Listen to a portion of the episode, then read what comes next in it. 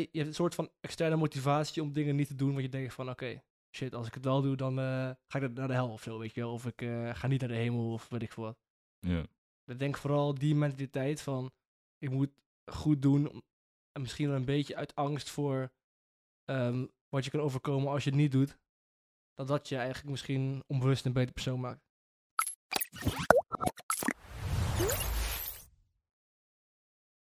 Hallo mensen, leuk dat je weer kijkt naar een nieuwe aflevering van Geen Filter. De podcast waarin wij als drie gewoon normale vrienden het hebben over ja, wat er in ons opkomt eigenlijk. En vandaag is dat religie geworden. En dan eh, in het specifiek de vraag of religie je ook daadwerkelijk een beter persoon kan maken. Even uh, Esso naar Scientologen, Ja, die hebben die vraag eh, ook behandeld. Check hem in de beschrijving. Zijn eh, vrienden van de show. Yes. Ja, dus eh, laten we even beginnen met gewoon een kort antwoord. Ja of nee, eh Toy, zeg maar. Ja of nee, beter persoon of niet? Ik zeg, ja, Oké, en wat zeg jij? Niet per se. Oké, ik, zeg, ik zeg nee. Maar goed, dan eh, ben ik wel benieuwd naar, eh, naar, vooral naar jouw antwoord. Waarom maakt het je eh, daadwerkelijk een beter persoon? ja. Hoe, hoe zie jij dat? Hoe voel jij dat? Ja, ik ben zelf dus gelovig. eh, christelijk om wel precies te zijn. Protestants. Ehm, en ik denk niet per se dat, dat religie zelf jou een beter persoon maakt. Dus de regels die ze je opleggen. Want heel veel mensen denken dus dat omdat religie jou bepaalde regels geeft. Dat zie je eigenlijk overal wel terug natuurlijk. Dat jij je je aan die regels zou moeten houden omdat jij religieus bent. Ja, niet per se. Ik denk dat religie je vooral een beter persoon maakt. Omdat ehm you're being held accountable, weet je wel. Zeg maar, als jij, je hebt een soort van externe motivatie om dingen niet te doen, want je denkt van, oké, shit, als ik het wel doe, dan eh, ga ik naar de hel of zo, weet je wel. Of ik eh, ga niet naar de hemel of weet ik veel wat. Ja. Ik denk vooral die mentaliteit van, ik moet goed doen, en misschien wel een beetje uit angst voor ehm, wat je kan overkomen als je het niet doet. Dat dat je eigenlijk misschien onbewust een beter persoon maakt. Maar Op bij, wat voor die, dingen eh, heb je dat dan? Bijvoorbeeld bij, bij moord of zo. Dat, is, dat zou een voorbeeld zijn. Ja, Maar bij wat voor dingen nog meer? Want ik bedoel, ik als niet-gelovig persoon zou ook niet zomaar iemand vermoorden en dan eh denken van, Ja, ah, klopt. eh, boeien, weet je. Ja, natuurlijk, de huidige samenleving is natuurlijk heel erg. eh, heeft heel veel regels die natuurlijk overlappen met Bijbelse regels of regels in de Koran of zo. Daar wil ik het niet te veel over hebben, maar. ja. ja, ik denk gewoon bij kleinere dingen vooral. Dus dingen als liegen of bijvoorbeeld dingen als vreemdgaan, weet je wel, dat soort dingen. Je denkt toch van, ik moet het niet doen, want je krijgt een soort streepje achter of zo als je beoordeeld gaat worden. Of beoordeeld wordt. Ja, oké. Maar op zich een funny take. Want ik, ik heb een keer een onderzoek gezien en dat is eh waar het was bij kinderen gedaan, kleine kinderen. En die gaven ze een opdracht of zo. Je mag dit niet doen of eh van mij ging het over een koekje eten of zo. En toen hebben ze, ik weet echt niet hoeveel mensen het waren. Ik, ik haal nu gewoon uit mijn ass dit onderzoek. Maar ehm, wat ze dus hadden gedaan was, ze hadden dus verteld, oké, je mag dit niet doen. Vervolgens hadden ze bij de ene groep kinderen hadden ze gezegd dat er een soort van magische spirit in de kamer was. Dus een, ja, eh, ze noemen het volgens mij een prinses of zo, weet je wel. Die zit hier in de Mhm. kamer en eh verder niks gezegd over consequenties. Ze hadden niks gezegd Ja, ja. over eh, die gaat je beoordelen of zo. Die zeiden gewoon, die is hier aanwezig. En bij de andere kinderen zeiden ze dat niet. Het bleek dus dat die kinderen waar, die dus dachten dat ze bekeken werden, hadden het niet gedaan. Omdat ze dus blijkbaar toch onbewust denken dat ze daardoor beoordeeld of veroordeeld gaan worden. Datzelfde als die, ja, moet ik het even goed zeggen, maar zoals bij Griekse mythologie of zo. Dat gaat over een eh, man die kan onzichtbaar worden. Ja. En die besluit in één keer om eh, alles te doen wat niet mag, zeg maar. Ja. En daarmee dus te bewijzen dat de mens van zichzelf helemaal niet goed is. Maar ze zijn gewoon bang op eh, de reactie van andere mensen. Of bang voor de reactie van andere mensen. Ja, Als wat ook dus, duidelijk eh, is, is zeg maar de reden waarom onze maatschappij nu ook zo is, is door die christelijke infrastructuur gewoon van. Ja. de- het is daarop Het is gebaseerd. opgezet, ja. Dus inderdaad, dat, dat heeft er ook wel mee te maken. Maar ehm, ja, dus jij denkt gewoon een beetje meer van als er geloof niet, als er geen geloof was, zouden mensen ook niet fearing, like geen fear for God hebben, zeg maar. En dat ze dan toch wat roekelozer zouden zijn of wat. Ja, ja precies dat. Ja, Ja, dat zie ik dan weer een beetje anders. Want ik zie het gewoon als, zeg maar, ik heb niet een godfiguur nodig daarvoor. Maar dat, dat komt dan ook wel een beetje weer terug met wat je net zei over eh, eh, die man die onzichtbaar werd. En opeens niet meer bekeken kon worden door zijn medemens en dan opeens alles ging doen. Ja. Je hebt toch een beetje die verantwoording die je daar naartoe aflegt. Bewust of onbewust. Ja. Maar ja, daarom. Maar goed, jij zei niet per se. Dat, Nee. eh, Ik vind niet per se, om meer om het feit dat ik, ik voel wel dat voor sommige mensen die vrezen wel voor de beoordeling van God, zeg maar. Van als ik dit en dat doe, dan inderdaad in het naleven, dan eh, kan dit of dat nog wel naar de hemel of naar de hel of zo. Dat geloven mensen. En dat snap ik wel, dus dat werkt inderdaad wel voor sommige mensen. Maar hoe ik het meer zie, en daarom zeg ik ook niet per se, is meer dat ik denk dat het belangrijk is om zeg maar een besef te hebben dat er iets groters is dan alleen wij gewoon. En dat, heb, dat mis ik soms een beetje bij eh, mensen die heel sterk atheïst zijn, zeg maar, van dat, dat je gewoon dood bent en dan is het gewoon klaar, zeg maar.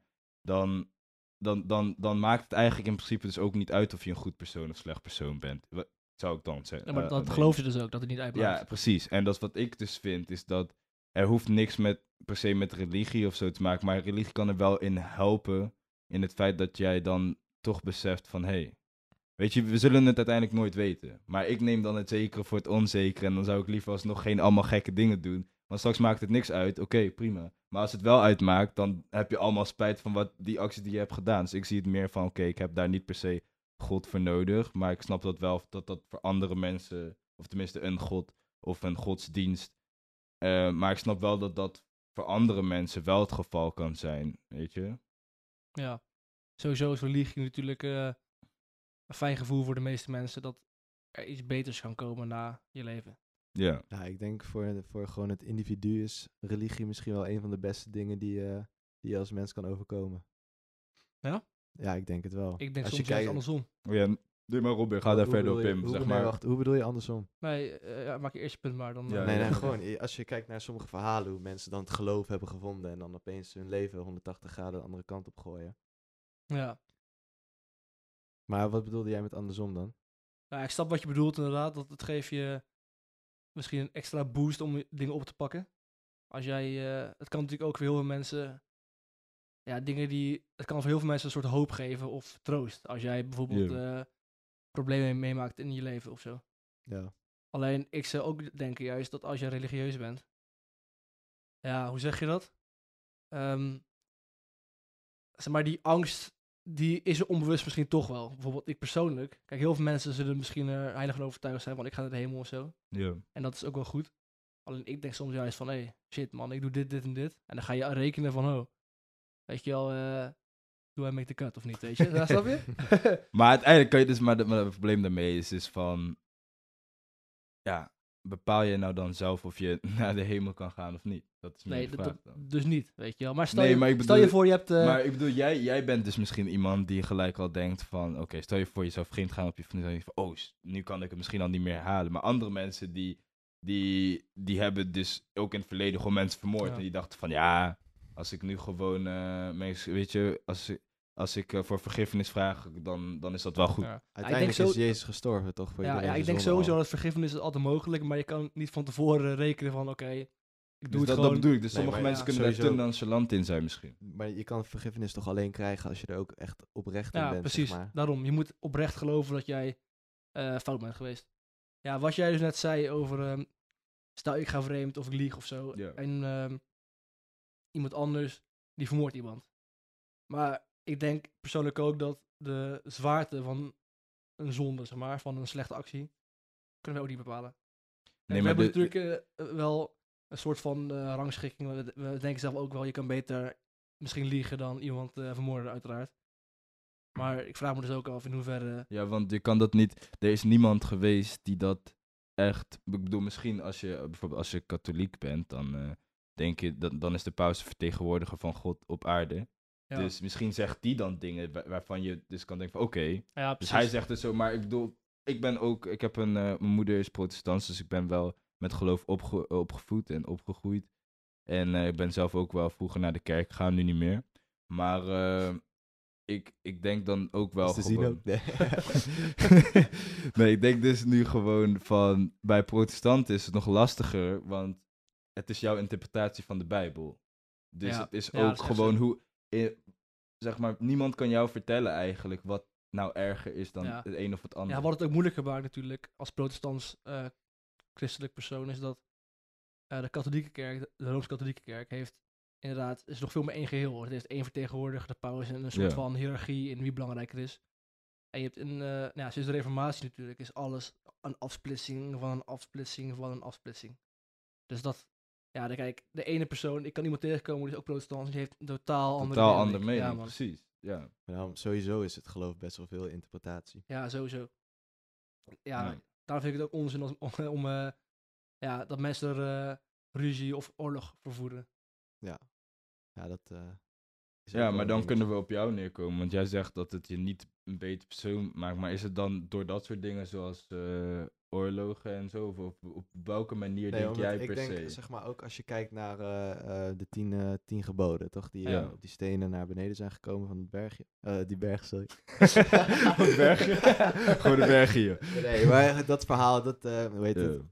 Ik heb ja. vroeger ook wel ehm, bijbelse verhalen gehoord en die is wel bijgebleven. Maar dat, dat zijn de leefregels, toch? In, het, eh, in de Ja, Bijbel. het is ook wel leuk wat je zegt terecht. De Leefregels, even onthouden.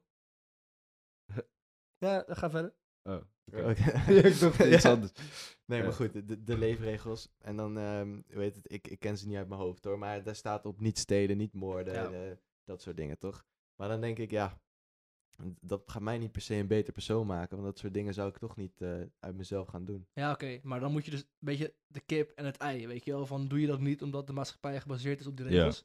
Of doe je dat omdat je het uit jezelf niet wil doen en daardoor... Maar daar kunnen we de wel op regels iets. Ja, waarschijnlijk komen. omdat de maatschappij zo op is gebouwd, maar eh, aan de andere kant ook wel omdat je dat zelf niet wil doen, toch? ja, Ja, maar we kunnen dan op iets interessants komen, want ik bedoel, ik weet niet precies hoe het zit in het Oude Testament, maar in ieder geval, er waren wel mensen bestonden voordat Mozes bestond. Dus Ja. dan is het meer de vraag van, waren die mensen dus per se elkaar echt aan het vermoorden? Of is het meer gewoon een extra additional boost, zo van, hey, God vindt dit ook, dus je moet het niet doen. Volgens mij, Want volgens mij waren de mensen daarvoor boost. niet per se elkaar Nee. altijd aan het wat je vermoorden. ziet in de Bijbel, dat er heel veel verbonden die zijn gekomen door de Bijbel heen. Dat je- wat je ziet is dat het vaak in periodes was dat het volk echt compleet los van God raakte, weet je wel. Dus eh, Ja, op het moment dat zij, bijvoorbeeld Mozes, die heeft die tafel opgehaald, hij kwam terug beneden en toen waren ze in één keer een, een, eh, standbeeld aan het aanbidden. Toen heeft hij alles laten vallen en ging het in duizend stukjes, ging hij op, opnieuw naar boven toe. dus ja, Ja, opnieuw. eh, maar eh, wat je zei over leefregels, dat is wel een ding waardoor je heel veel dingen uit de Bijbel misschien je losser zou kunnen interpreteren. Omdat ze dus, ze houden zich altijd vast aan dat de Bijbel leefregels heeft. Dus niet doelregels die je moet doen, regels waar je aan moet houden om in de hemel te komen, maar ook leefregels die dus ook heel veel helpen in hoe jij normaal een leven kan leiden. Ja, en daar- gelukkigheid kan vinden. Ja, precies. Ja. Dus daarin kan, je, kan je ook opmaken van, oké, ehm, die regels, als je je niet aan houdt, dan is het ook niet heel erg, maar je moet wel je best doen om ze na te leven.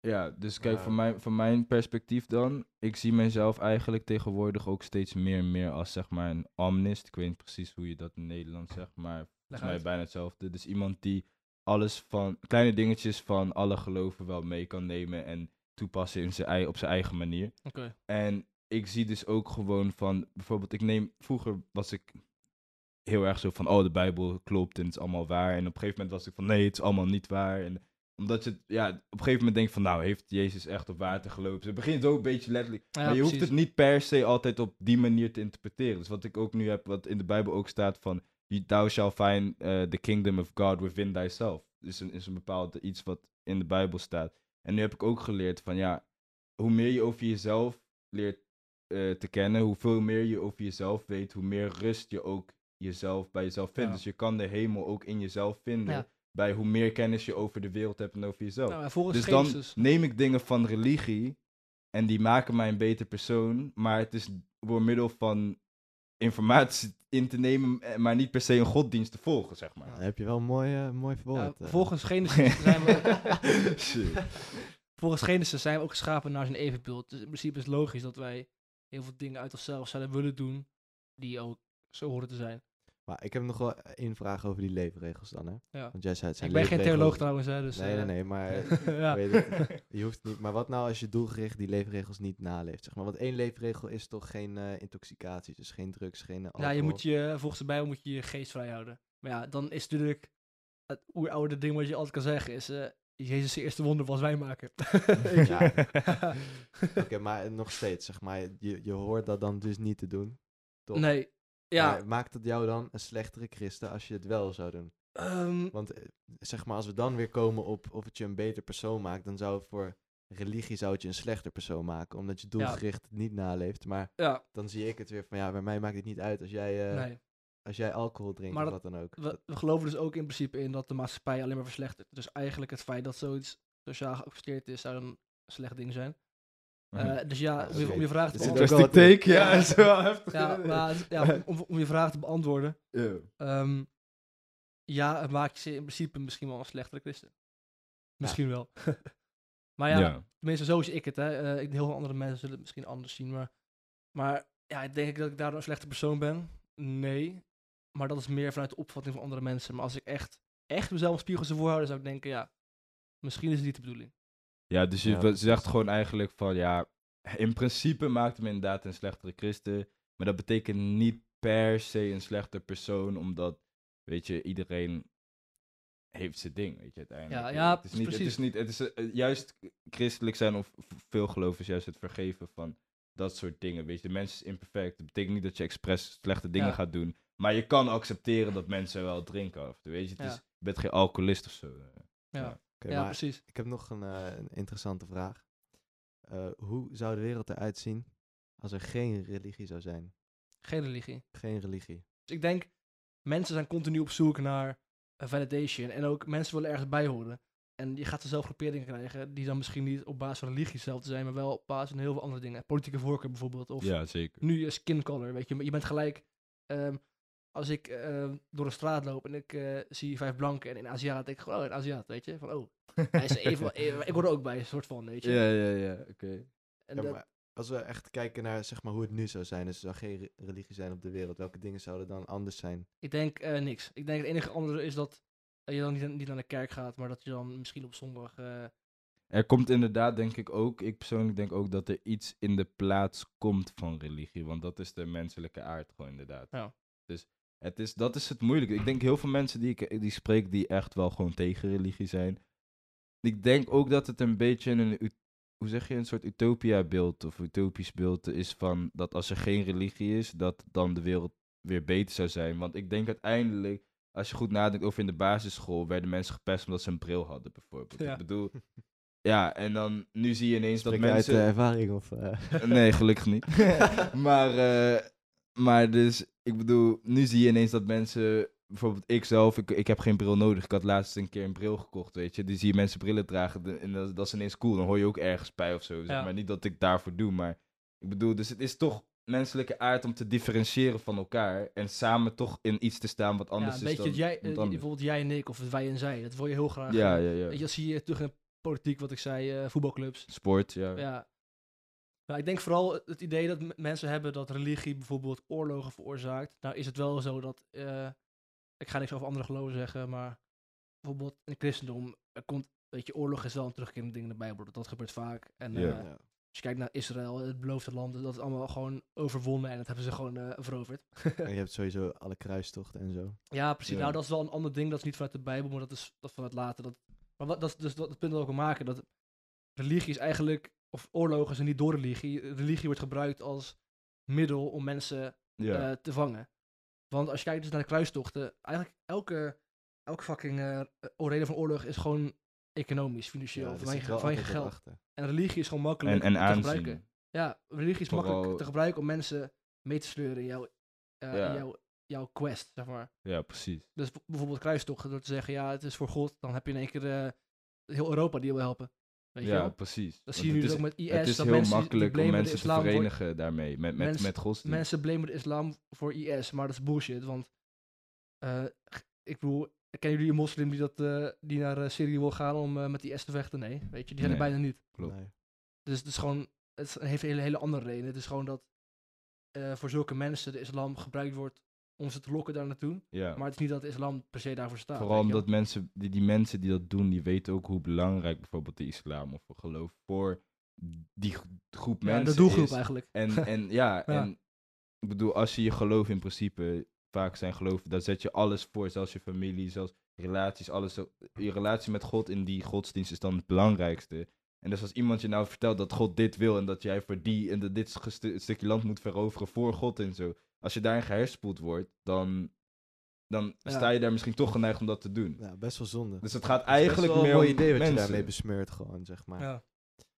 Maar ja, goed. Nog één laatste dingetje. Hoe, eh, hoe denken jullie dat religie eh, in de toekomst... eh, welke rol dat gaat spelen nog?